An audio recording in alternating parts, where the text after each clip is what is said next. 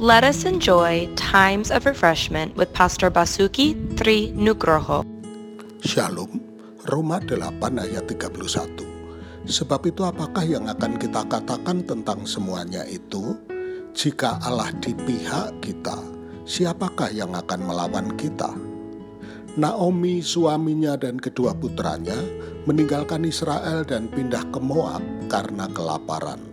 Satu anak menikah dengan Ruth, yang lainnya menikah dengan Orpa. Akhirnya suami dan putra Naomi meninggal.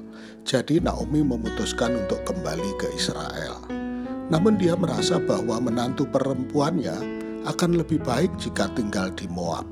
Dia mencoba mencegah mereka pergi bersamanya dengan mengatakan, Janganlah kiranya demikian, anak-anakku.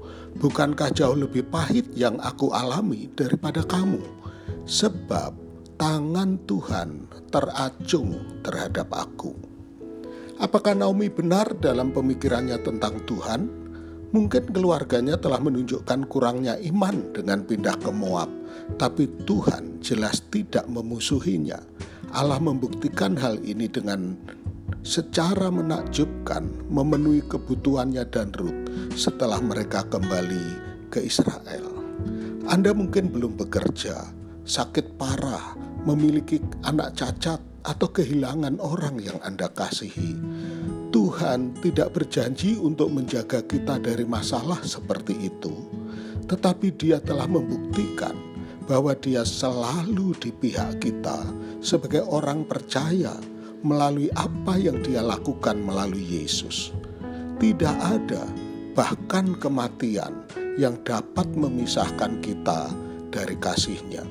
Tuhan tidak pernah memusuhi kita, bahkan ketika Dia menghukum kita, Dia selalu di pihak kita untuk kita.